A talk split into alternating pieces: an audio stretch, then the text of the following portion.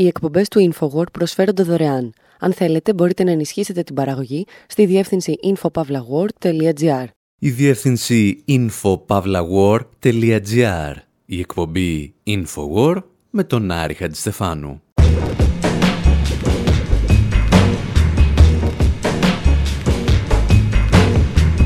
Όπου σήμερα, ενώ εσείς ψάχνετε αν παρακολουθούν τα τηλέφωνά σας, εμείς αναρωτιόμαστε εάν το κράτος του Ισραήλ ελέγχει και παρακολουθεί αυτούς που ελέγχουν και παρακολουθούν τα τηλέφωνά σας. Θυμόμαστε μια μεγάλη έρευνα του New York Times που απέδειξε ότι προκειμένου να προμηθευτεί σε εφαρμογές παρακολούθησης όπως το Pegasus και το Predator, πρέπει πρώτα να αποδεχθείς την εξωτερική πολιτική του Τελαβίβ. Αναρωτιόμαστε τι θα συνέβαινε εάν ένας πρωθυπουργός παρακολουθούσε λόγου χάρη τον Υπουργό Εξωτερικών του και τα στοιχεία έφταναν σε μια ξένη χώρα. Συζητάμε επίσης για την ιδιωτικοποίηση του κράτους και του παρακράτους και τι σημαίνει να έχεις πουλήσει την ψυχή σου στο διάολο ή για την ακρίβεια σε έναν εγκληματία πολέμου. Πρώτα όμως θα κάνουμε μια μικρή επανάληψη για να θυμηθούμε πώς ακριβώς δημιουργήθηκαν εταιρείες σαν την NSO και την Intellexa και τι σχέση μπορεί να έχουν με τις ένοπλες δυνάμεις και τις μυστικές υπηρεσίες του Ισραήλ.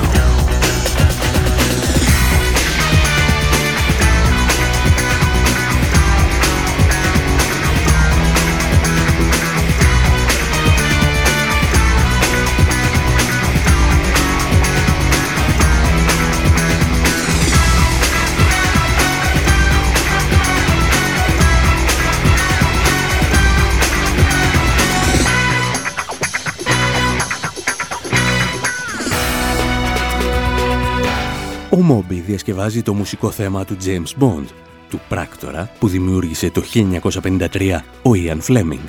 Η ανθρωπότητα γνωρίζει τότε την ωραιοποιημένη και ηρωοποιημένη μορφή των κατασκόπων. Των ανθρώπων που όπως εξηγούσε ο Τζον Λε Καρέ δεν είναι παρά ένα μάτσο δημόσιοι υπάλληλοι που παίζουν τους καουμπόιδες για να ρίξουν λίγο φως στη μίζερη ζωούλα τους.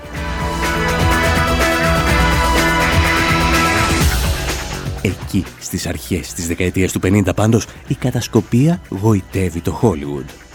Και τα ίδια χρόνια, οι αμερικανικές μυστικές υπηρεσίες σπέρνουν παρακλάδια τους σε όλο τον κόσμο. Το 1953, μαζί με τον James Bond, γεννιέται και η ελληνική KIP, μια υπηρεσία η οποία ήταν τόσο ελεγχόμενη από την Ουάσιγκτον, ώστε οι μισθοί των πρώτων υπαλλήλων της πληρώνονταν απευθείας από τις Ηνωμένες Πολιτείες. Την ίδια περίοδο όμως δημιουργείται και μία άλλη υπηρεσία πληροφοριών που θα μας απασχολήσει σήμερα. Η διαβόητη ομάδα 8200 του Ισραηλινού στρατού. Η ομάδα ξεκινά τις παρακολουθήσεις χρησιμοποιώντας κάτι τεχνολογικές παλιατζούρες που τις πετάει σαν ξεροκόμματο το Αμερικανικό Πεντάγωνο. Μερικές δεκαετίες αργότερα όμως συναγωνίζεται επάξια την Αμερικανική NSA. Στην πραγματικότητα βέβαια η ομάδα λειτουργεί περισσότερο με τους όρους των εκβιαστών του υποκόσμου. Αυτό τουλάχιστον υποστήριξε παλαιότερα ο αναλυτής και συγγραφέας Sir Heather μιλώντας στο Real News Network. The Unit 8200 is one of the most prestigious units uh, in the Israeli military and uh, Η μονάδα 8200 θεωρείται αφρόκραμα του Ισραηλινού στρατού και πολλοί θέλουν να ενταχθούν σε αυτή γιατί γνωρίζουν ότι θα τους εξασφαλίσει μια θέση στον κλάδο της κυβερνοασφάλειας μόλις αποστατευτούν. Βασική μέρημνα της μονάδας είναι να παρακολουθεί τους Παλαιστίνιους. Καταγράφουν τηλεφωνικές συνομιλίες και χρησιμοποιούν κάμερες και βιομετρικά στοιχεία για να καταγράφουν κάθε κίνηση που πραγματοποιεί ένας άνθρωπος μέσα στη μέρα του. Από μια επιστολή που είχαν δημοσιεύσει μέλη της μονάδας, μάθαμε ότι χρησιμοποιούσαν τα στοιχεία από την προσωπική ζωή των Παλαιστίνιων ώστε να μπορούν να τους εκβιάζουν. Εάν παραδείγματος χάρη γνωρίζουν ότι κάποιο συγγενή του είναι άρρωστο, μπορούν να τον εκβιάζουν ότι θα του κοπεί κάθε πρόσβαση σε γιατρούς και φάρμακα. Εάν γνωρίζουν ότι κάποιος είναι ομοφυλόφιλος, θα χρησιμοποιήσουν αυτή την πληροφορία και θα του πούν: Εάν δεν μας δώσει τις πληροφορίες που ζητάμε, θα σε αποκαλύψουμε.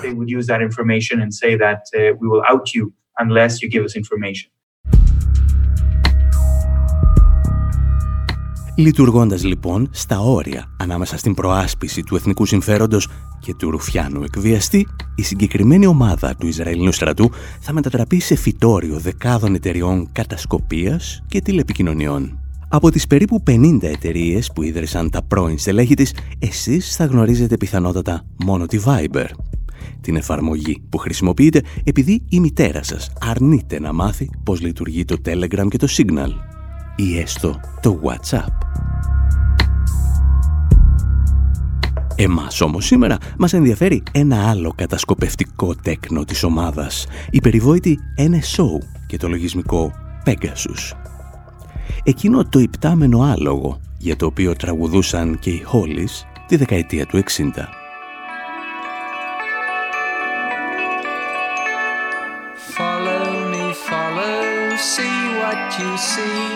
I'll take you somewhere you've never been.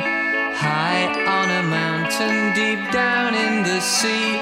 To faraway lands you can travel with me. I'm Pegasus the flying horse. I'm Pegasus the flying horse. Ride on my back and hold on to my wings. I'll take you by night to what's only been dreams. Time has no value where we're going to. People are happy there, they're never blue. I'm Pegasus the flying horse. I'm Pegasus the flying Οι Βρετανοί Χόλις υποστηρίζουν ότι είναι ο Πίγασος, το υπτάμενο άλογο, το οποίο είναι μια γενναία τοποθέτηση, αν σκεφτούμε ότι ο Πίγασος ήταν παιδί μιας οικογένειας με πολλά προβλήματα. Ο Πίγασος και ο αδερφός του, ο Χρυσάορ, γεννήθηκαν όταν έκοψαν το κεφάλι της Μέδουσας, την οποία Μέδουσα, αν θυμάστε, την είχαν τιμωρήσει επειδή τη βίασε ο Ποσειδώνας. Γιατί όταν στην Ελλάδα τιμωρούσαμε τα θύματα του βιασμού και όχι τους βιαστές, σε άλλες χώρες ακόμη τρώγανε κουκουνάρια. Σήμερα πάντως ο Πίγασος και ο Χρυσάορ δεν είναι γνωστοί μόνο ως μυθολογικά πλάσματα, αλλά και ως λογισμικό που επιτρέπει την παρακολούθηση κινητών τηλεφώνων. Και μητέρα τους δεν είναι η τερατόμορφη Μέδουσα, αλλά η Ισραηλινή εταιρεία NSO. Τρεις κορυφαίες οργανώσεις, η Privacy International, η Διεθνής Αμνηστία και η ΣΟΜΟ, η οποία παρακολουθεί τη δράση πολυεθνικών, επιχείρησαν να ασχοληθούν πολύ σοβαρά με την υπόθεση NSO. Όπως θα δούμε, ανακάλυψαν ένα δεδαλώδες δίκτυο εταιριών που βρίσκονται πίσω από τη βιομηχανία κατασκοπίας.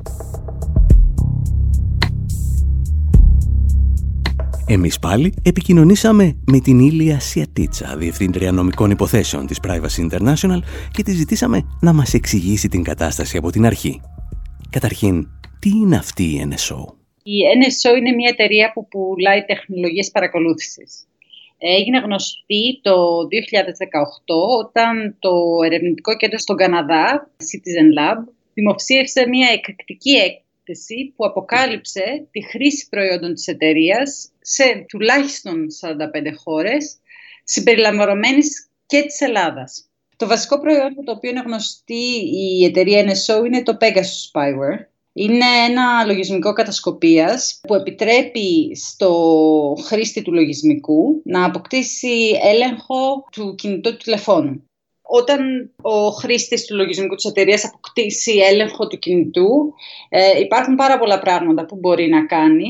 Μπορεί να παρακολουθήσει τις συνομιλίες του χρήστη σε πραγματικό χρόνο, να ενεργοποιήσει κρυφά το μικρόφωνο της συσκευής ή την κάμερα ή την τεχνολογία εντοπισμού με βάση το GPS, ακόμα και αν εμείς το έχουμε κλείσει, εκείνοι μπορούν μετά να το ενεργοποιήσουν χωρίς εμείς να το καταλάβουμε.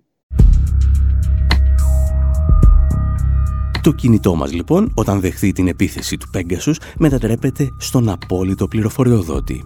Ορισμένοι ερευνητές μάλιστα υποστηρίζουν ότι όχι μόνο μας παρακολουθούν, αλλά συγκεντρώνουν όλους τους κωδικούς μας και μπορούν ακόμη και να αλλοιώσουν έγγραφα ή φωτογραφίες που έχουμε αποθηκευμένα. Η NSO βέβαια έχει μία απάντηση για όλα αυτά. Εμείς λέει απλώς πουλάμε το λογισμικό σε κυβερνήσεις. Το πώς το χρησιμοποιούν είναι δική τους υπόθεση. Η ίδια η εταιρεία ε, διατείνεται ότι πουλάει το λογισμικό της μόνο σε κυβερνήσεις και επίσης αποποιείται οποιασδήποτε ευθύνης για τη χρήση αυτού του λογισμικού λέγοντας ότι εμείς πουλάμε το λογισμικό μας ε, σε κυβερνήσεις ε, και μετά είναι ευθύνη των κυβερνήσεων για το πώς θα χρησιμοποιήσουν το λογισμικό και δεν μπορούμε να εγγυηθούμε ότι δεν θα χρησιμοποιηθεί για παράνομη παρακολούθηση. Η πραγματικότητα βέβαια είναι ελαφρώς πιο σύνθετη από αυτά που ισχυρίζεται η NSO. Ανάμεσα στα γνωστότερα θύματα του Πέγκασος δεν ήταν τρομοκράτες και μέλη του οργανωμένου εγκλήματος, αλλά δικηγόροι, ακτιβιστές και πάρα πολλοί δημοσιογράφοι. Αποκαλύφθηκε ότι, για παράδειγμα, δημοσιογράφοι και οργανώσεις στο Μεξικό που ασχολούνται με θέματα που σχετίζονται με τη διαφθορά είχαν στοχευθεί συστηματικά από το λογισμικό της εταιρείας, συμπεριλαμβανομένης και μιας τηλεοπτικής προσωπικότητας και δημοσιογράφου που λέγεται Κάρμεν Αριστέγγι και του γιού της, ο οποίος ήταν ανήλικος την περίοδο στην οποία στόχευσαν το κινητό του. Στο Μεξικό λοιπόν κάποιος παρακολουθούσε μία δημοσιογράφο η οποία ερευνούσε το οργανωμένο έγκλημα και τους ναρκέμπορους. Από αυτούς τους δημοσιογράφους δηλαδή που στην Ελλάδα τους εκτελούν μέρα μεσημέρι και ο Πρωθυπουργός ξεχνά να καταδικάσει την επίθεση για τουλάχιστον 24 ώρες. Οι ύποπτες υποθέσεις όμως, στην υπόθεση Pegasus και NSO, είχαν και συνέχεια. Ανάμεσα στις ε, γνωστότερες υποθέσεις που σχετίζονται με τη χρήση αυτού του λογισμικού ή που υποθέτουμε ότι σχετίζονται, γιατί δεν υπάρχει ακόμα κάποια δικαστική απόφαση που να επιβεβαιώνει ε, την, τις καταγγελίες. Ο Μάρα Αμπτουλαζής, ένας ε, ακτιβιστής από την Σαουδική Αραβία, κατέθεσε και αυτός με τη σειρά του ε, μήνυση κατά της NSO Εκείνο που έχει πολύ ενδιαφέρον στην περίπτωση του Ομάρ είναι ότι ο Ομάρ Αμπτουλαζής ε, ήταν ε, στενός συνάδελφος ε, και του δολοφονημένου δημοσιογράφου Τζαμάλ Κασόγκη, με τον οποίο είχε τακτικές επαφές μέσω του κινητού του. Τον Κασόγκη, αν θυμάστε, τον εκτέλεσαν και τον τεμάχισαν με ένα πριόνι με εντολή του ανώτατου άρχοντα της Σαουδικής Αραβίας μιας χώρας με την οποία, όπως μας έμαθε και ο Έλληνας αρχηγός ΓΕΘΑ στρατηγός Κωνσταντίνος Φλόρος, μοιραζόμαστε τις ίδιες αξίες.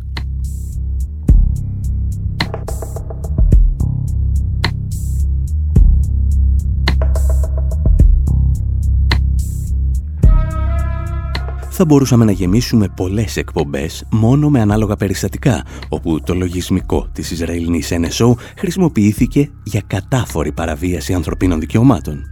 Η πρόσφατη έκθεση όμως των τριών οργανώσεων φέρνει στο φως και μία άλλη πολύ ενδιαφέρουσα πτυχή του ζητήματος. Ότι πίσω από την Ισραηλινή εταιρεία βρίσκεται ένα γιγαντιαίο δίκτυο ιδιωτικών εταιριών.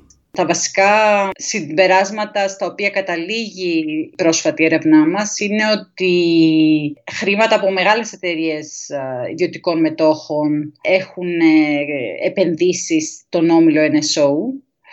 Το άλλο σημαντικό συμπέρασμα στο οποίο καταλήγει η έκθεσή μας είναι ότι η δομή της εταιρείας NSO μοιάζει με λαβύρινθο και αυτός ο λαμβύρινθος δίνει στην εταιρεία νομικά πλεονεκτήματα γιατί διευκολύνει τι επενδύσει, τη λειτουργία και την ανάπτυξη της εταιρείας. ανάμεσα στις διάφορες δικαιοδοσίες εντός των οποίων βρίσκεται ο όμιλος NSO. Συμπεριλαμβάνονται και η Βουλγαρία, τα νησιά Κέιμαν, η Κύπρος, το Ισραήλ, το Λουξεμβούργο, το Ηνωμένο Βασίλειο και οι Ηνωμένες Πολιτείες. Και γνωρίζουμε ήδη από προηγούμενες προσπάθειες έρευνας και δικαστικές προσφυγές ότι ο όμιλος NSO έχει άδειες εξαγωγής προϊόντων ε, από το Ισραήλ, τη Βουλγαρία και την Κύπρο. Το μυθολογικό πλάσμα λοιπόν που συμβολίζει τα προγράμματα κατασκοπίας της NSO δεν είναι ο Πίγασος ούτε η Μέδουσα. Είναι η Λερναία Ήδρα. Το γεγονός λόγου χάρη ότι η εταιρεία λειτουργεί επιχειρηματικές οντότητες στην Κύπρο και τη Βουλγαρία θα μπορούσε να αποτελέσει μια κερκόπορτα για την είσοδο στην Ευρωπαϊκή Ένωση. Κυρίως όμως αυτό το δεδαλώδες δίκτυο συνεργατών και θηγατρικών επιτρέπει στην εταιρεία να κρύβει τα ίχνη της και να αποποιείται των ευθυνών της για τα εγκλήματα που πραγματοποιούνται με τη βοήθεια του λογισμικού της. Η Ηλία Σιατίτσα μας είχε μιλήσει για την NSO και το Pegasus, όπως αποδείχθηκε όμως, ανάλογα επιχειρηματικά πλοκάμια είχαν αναπτύξει και οι εταιρείες που δημιούργησαν το Predator. Η εφαρμογή μπορεί να δημιουργήθηκε στη Βόρεια Μακεδονία από την εταιρεία Citrox, γρήγορα όμως πέρασε στον έλεγχο του Tal Ο Ντιλιάν, για μια απρόσμενη σύμπτωση, ήταν και αυτό στέλεχος των Ισραηλινών ενόπλων δυνάμεων. Συγκεκριμένα ήταν διοικητής της μονάδας 81, η οποία είχε ανάλογες αρμοδιότητες με τη μονάδα 8.200, για την οποία μιλήσαμε.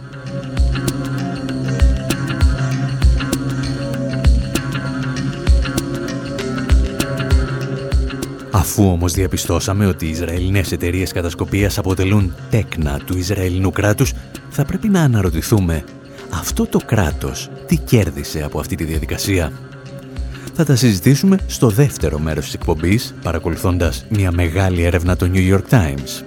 Αυτή την κομμουνιστική φυλάδα, στην οποία ο καθένας μπορεί να γράφει ό,τι θέλει, με μόλις 28.000 ευρώ το κομμάτι.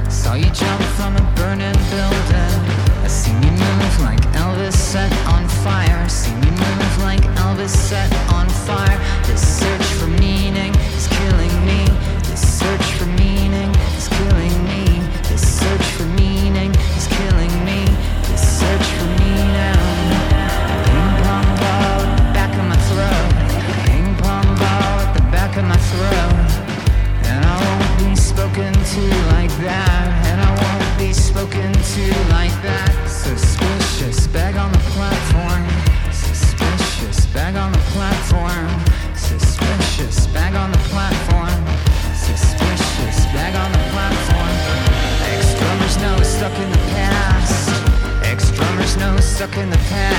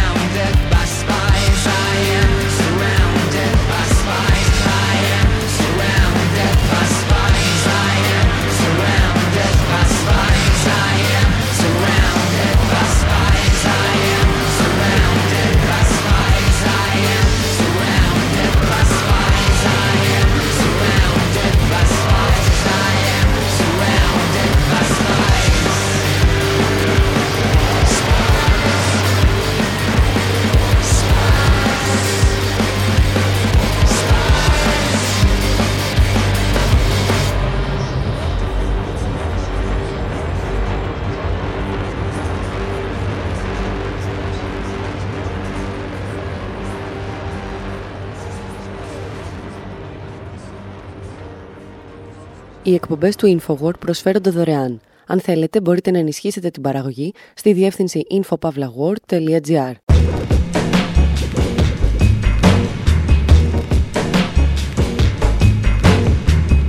Εκπομπή InfoWord, μέρος δεύτερο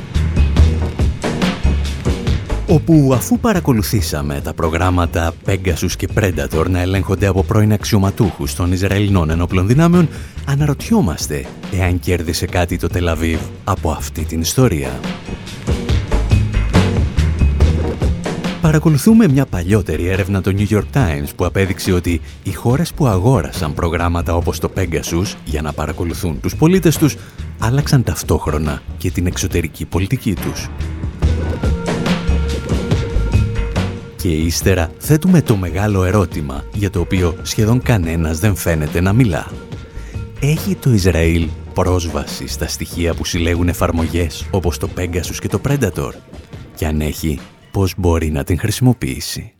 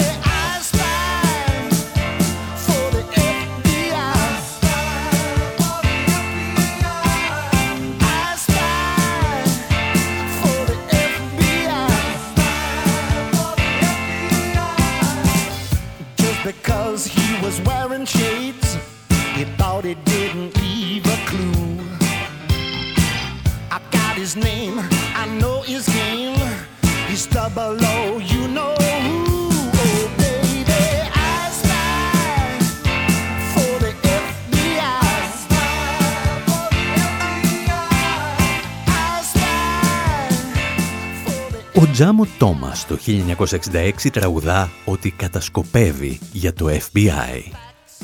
Ίσως το μοναδικό τραγούδι για το οποίο έγινε γνωστός και το οποίο δεν ήταν καν δικό του. Έχω τοποθετήσει στο σπίτι σου μια συσκευή, λέει το τραγούδι, η οποία βλέπει όσα δεν μπορώ να δω εγώ. Και κάπως έτσι την πάτησε και το FBI πριν από μερικά χρόνια.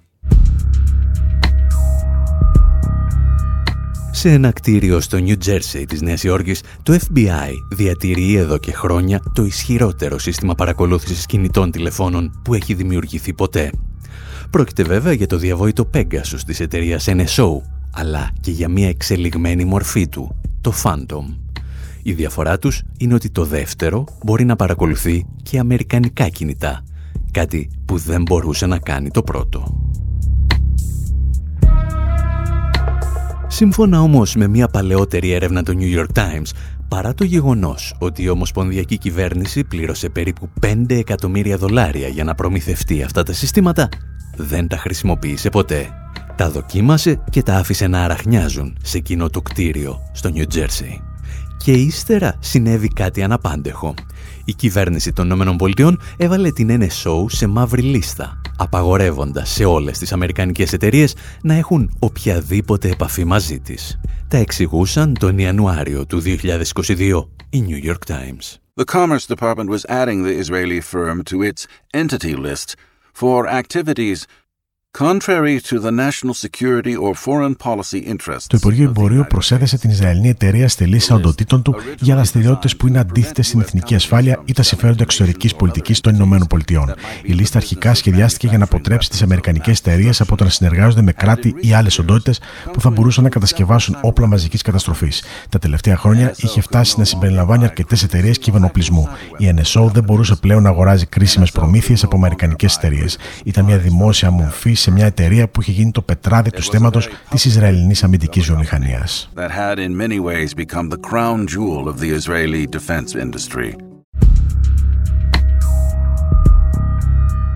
Προσέξτε τις λεπτομέρειες αυτής της αποκάλυψης. Καταρχάς, η Αμερικανική κυβέρνηση θεωρεί το συγκεκριμένο λογισμικό εξίσου επικίνδυνο με τα όπλα μαζικής καταστροφής. Κατά δεύτερον, δεν το απαγόρευσε για τη διαπίστωση ότι χρησιμοποιείται από αυταρχικά καθεστώτα, αλλά για να προστατεύσει τη δική της εθνική ασφάλεια. Γιατί όμως μια χώρα που χρησιμοποιεί ένα πρόγραμμα παρακολούθησης να κινδυνεύει η ίδια και όχι αυτοί που παρακολουθούνται; Θα μας επιτρέψετε να πάρουμε τα πράγματα από την αρχή. Όπως είδαμε στο πρώτο μέρος της εκπομπής, οι εταιρείες που δημιούργησαν ή διαχειρίζονται προγράμματα όπως το Pegasus και το Predator αποτελούν σάρκα από τη σάρκα του Ισραηλινού στρατού και των υπηρεσιών πληροφοριών. Προκειμένου όμως οι Ισραηλινές κυβερνήσεις να έχουν ακόμη μεγαλύτερο έλεγχο, όρισαν ότι κάθε εξαγωγή ιδιωτικού συστήματος παρακολούθησης θα πρέπει να λαμβάνει την έγκριση του Υπουργείου Άμυνας. As cyber weapons began to eclipse fighter jets in the schemes of military planners, a different kind of weapons industry emerged in Israel. Καθώς τα κυβερνόπλα ήταν πλέον πιο χρήσιμα από τα μαχητικά αεροσκάφη, μια νέα βιομηχανία όπλων αναδύθηκε στο Ισραήλ. Βετεράνοι της ομάδας 8200 του Ισραηλινού αντίστοιχου της Αμερικανικής NSA μεταφέρθηκαν σε νεοφυείς επιχειρήσεις στον ιδιωτικό τομέα. Δημιούργησαν έτσι μια βιομηχανία κυβερνοασφάλεια αξίας πολλών δισεκατομμυρίων. Όπως και οι πολιτές συμβατικών όπλων, έτσι και οι κατασκευαστές κυβερνοπλισμού πρέπει να λάβουν άδειε εξαγωγών από το Υπουργείο Άμυνας για να πουλήσουν τα προϊόντα τους στο εξωτερικό. Παρέχουν έτσι έναν κρίσιμο μοχλό για την κυβέρνηση του Ισραήλ να επηρεάζει αυτές τις εταιρείες και σε κάποιες περιπτώσεις τις χώρες που αγοράζουν από αυτές.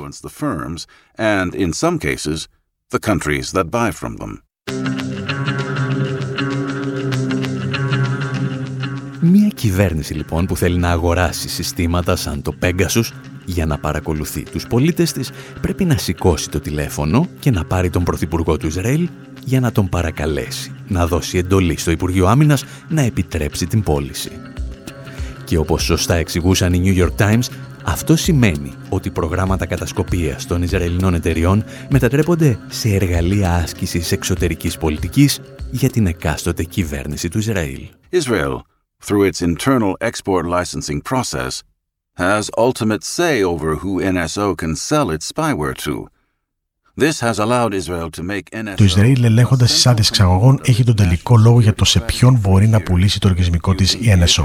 Το γεγονός αυτό μετέτρεψε την εταιρεία σε δομικό στοιχείο της στρατηγικής εθνικής ασφάλειας της χώρας. Το Ισραήλ χρησιμοποιούσε την NSO και παρόμοιες εταιρείες για να προωθήσει τα συμφέροντά τους σε όλο τον κόσμο. Έρευνα του New York Times στη διάρκεια ενός χρόνου έδειξε πως η δυνατότητα του Ισραήλ να εγκρίνει ή να αρνείται πρόσβαση στον κυβερνοπλισμό της NSO συνδέεται με τη διπλωματία του. Χώρες όπως το Μεξικό και ο Παναμάς έχουν αρχίσει να στερίζουν το Ισραήλ σε κρίσιμες ψηφοφορίες στα Ηνωμένα Έθνη αφού του κέρδισαν πρόσβαση στο Pegasus. Ρεπορτάζ στο New York Times επίσης αποκαλύπτει πως οι πωλήσει του Pegasus έπαιξαν κρίσιμο ρόλο στη διασφάλιση της στήριξης των Αραβικών Εθνών στην καμπάνια του Ισραήλ κατά του Ιράν, όπως και στη διαπραγμάτευση των συμφωνιών που το 2020 εξομάλυνα τη σχέση μεταξύ του Ισραήλ και κάποιων μακροχρόνιων εχθρών του στον αραβικό κόσμο.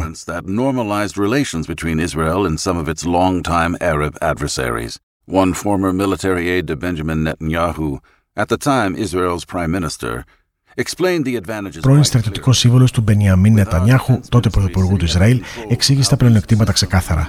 Με το Υπουργείο Άμυνας να έχει τον έλεγχο του πώς πολλούνται αυτά τα συστήματα, δήλωσε, θα έχουμε τη δυνατότητα να τα εκμεταλλευτούμε για διπλωματικά ωφέλη.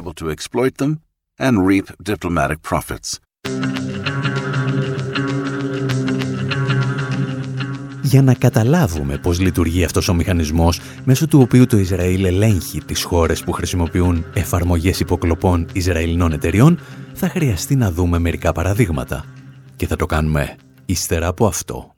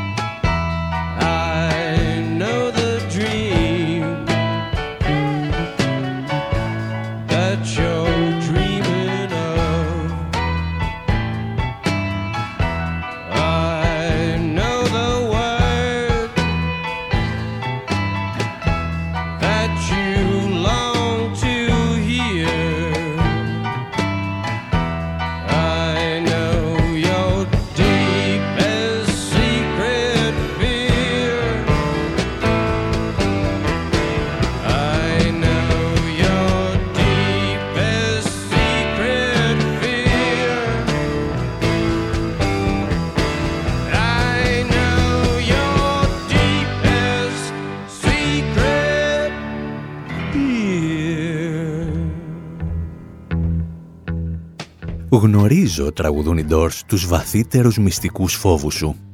Είναι δηλαδή η αγγλική εκδοχή του άσματος που έλεγε «Έχω τον έλεγχο των πιο μικρό κυτάρων σου, του οργασμού, της πείνας σου, της μάρκας των τσιγάρων σου». Εμείς πάλι σήμερα δεν ασχολούμαστε με τον έλεγχο που ασκεί αυτός που παρακολουθεί, αλλά με τον έλεγχο που ασκεί σε αυτόν που παρακολουθεί αυτός που του πούλησε τις συσκευές παρακολούθησης. Τον Ιανουάριο του 2022, οι New York Times παρουσίασαν, όπως είπαμε, μια μεγάλη έρευνα για το διπλωματικό και γεωπολιτικό παρασκήνιο των παρακολουθήσεων με το λογισμικό Pegasus και διαπίστωσαν μια περίεργη σύμπτωση. Οι χώρες που απέκτησαν το πρόγραμμα άρχισαν να ψηφίζουν υπέρ του Ισραήλ στις συνεδριάσεις του Οργανισμού Ηνωμένων Εθνών. Και αυτό αφορούσε ακόμη και χώρες όπως το Μεξικό, οι οποίες παραδοσιακά ψήφιζαν υπέρ των Παλαιστινίων.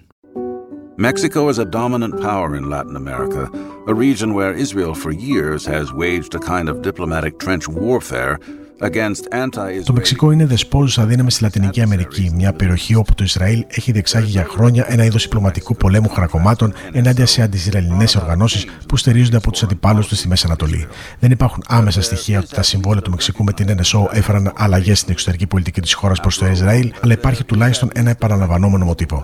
Ενώ για χρόνια ψήφιζε ενάντια στο Ισραήλ στη συνδιασκέψη των ΗΠΑ, το Μεξικό αντί να ψηφίζει όχι, άρχισε να απέχει. Mexico slowly began to shift no votes to abstentions.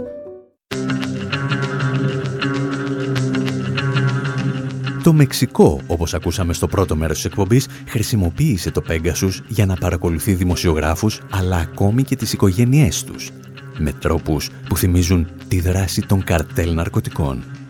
Η κυβέρνηση του λοιπόν γνώριζε ότι το Ισραήλ θα μπορούσε ανα πάσα στιγμή να διακόψει τη συνεργασία επικαλούμενο την προστασία των ανθρωπίνων δικαιωμάτων. Ό,τι έκανε δηλαδή για λίγο και με τις παρακολουθήσεις στη Σαουδική Αραβία. Mexico deployed the software not just against gangsters, but also against journalists and political dissidents. Το Μεξικό χρησιμοποίησε το λογισμικό όχι μόνο ενάντια στις συμμορίες, αλλά και εναντίον δημοσιογράφων και πολιτικών αντιφρονούντων. Τα Ηνωμένα Αραβικά Εμμυράτα το χρησιμοποίησαν για να διεισδύσουν στο τηλέφωνο ως ακτιβιστή πολιτικών δικαιωμάτων, τον οποίο η κυβέρνηση φυλάκισε.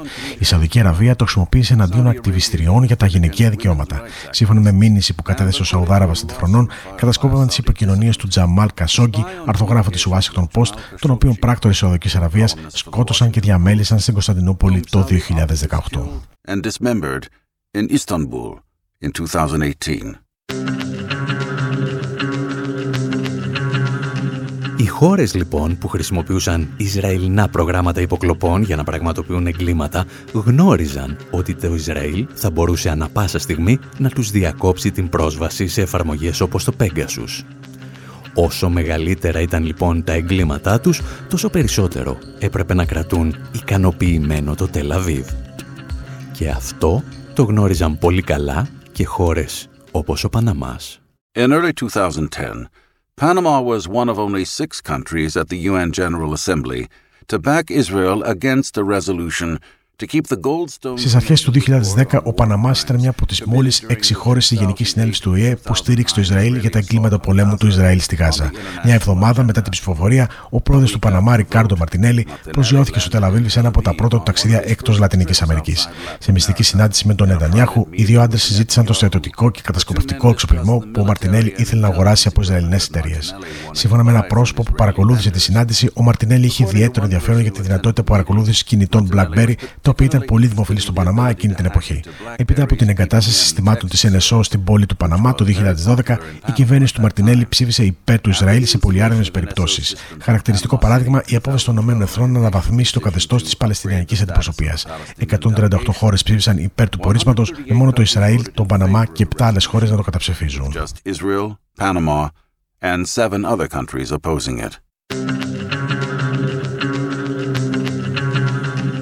Όπως θα εξηγήσουν οι ερευνητές στο New York Times, η κυκλοφορία εφαρμογών κατασκοπίας δεν άλλαξε μόνο τις διμερείς σχέσεις μεταξύ του Ισραήλ και των χωρών που προμηθεύονταν τα προγράμματα.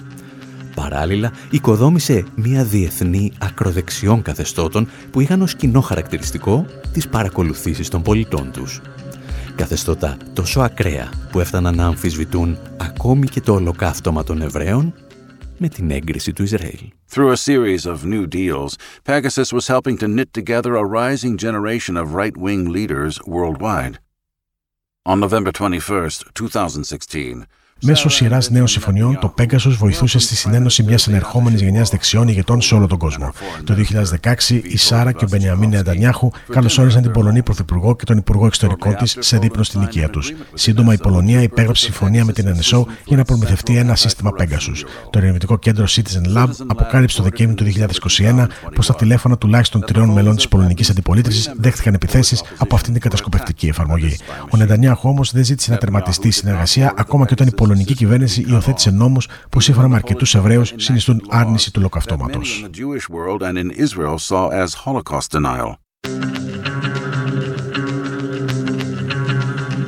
Οι New York Times λοιπόν αποκάλυψαν μια συσχέτιση ανάμεσα στις χώρες που αγοράζουν Ισραηλινά προϊόντα κατασκοπίας και στην αλλαγή της εξωτερικής τους πολιτικής. Κάποιος όμως έπρεπε να θέσει και ένα άλλο ερώτημα θα μπορούσε το Ισραήλ να συλλέγει τις πληροφορίες που συλλέγονται με εφαρμογές Ισραηλινών εταιριών; Και το έθεσε η Washington Post και ο Guardian. Όπως εξηγούσε πριν από ένα χρόνο στον Guardian, άτομο που διατηρεί στενή σχέση με την NSO, αλλά θέλησε να κρατήσει την ανωνυμία του, οι Αμερικανικές αρχές πιστεύουν ότι το Ισραήλ έχει πρόσβαση στα στοιχεία που συλλέγουν οι πελάτες της εταιρείας. Επίσης, Αμερικανοί πρώην και νυν αξιωματούχοι είχαν δηλώσει στην Washington Post το εξής. Θεωρείται δεδομένο πως το Ισραήλ είχε κάποιο είδους πρόσβαση μέσα από κερκόπορτες του συστήματος σε στοιχεία που συγκεντρώνονται μέσω τέτοιων εργαλείων παρακολούθησης. Εάν επιβεβαιωθούν όμως αυτές οι πληροφορίες της Washington Post και του Guardian, ανοίγει ένα νέο κεφάλαιο στην υπόθεση καθώς θα αποδειχθεί ότι τα ίδια τα κράτη που χρησιμοποιούσαν τέτοια συστήματα ήταν πλέον διάτρητα απέναντι στις υπηρεσίες πληροφοριών του Ισραήλ. Εάν, παραδείγματος χάρη, ένας πρωθυπουργός χρησιμοποιούσε σχετική εφαρμογή για να παρακολουθεί μέλη της δικής του κυβέρνησης, ας πούμε τον Υπουργό Εξωτερικών, αυτό θα σήμαινε ότι το Ισραήλ θα αποκτούσε ενδυνάμει πρόσβαση ακόμη και σε απόρριτες συνεδριάσεις του Υπουργικού Συμβουλίου.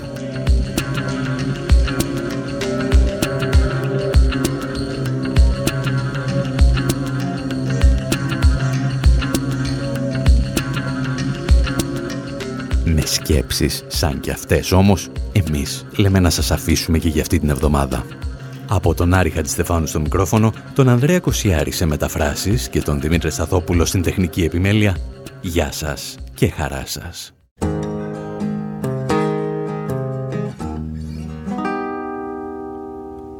Hello,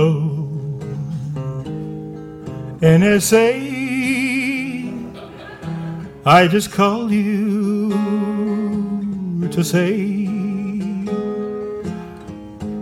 I love you because you really listen. Now when I'm on the phone. Will I never feel alone? Cause you're out there with your headphones and you really listen.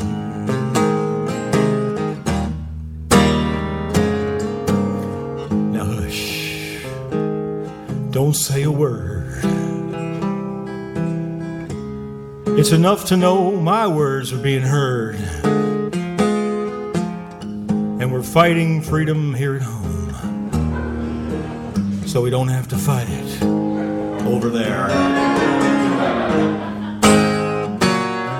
Now, my own sweet Marie never listens to me, not my brother or even my mama. But when they're on the line, I know you hear me whine. Take that, Osama.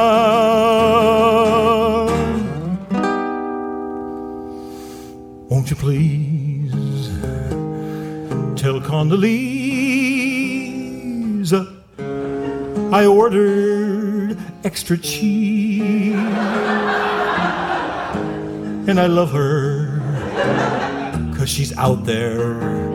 Here's how I know, here's how I know.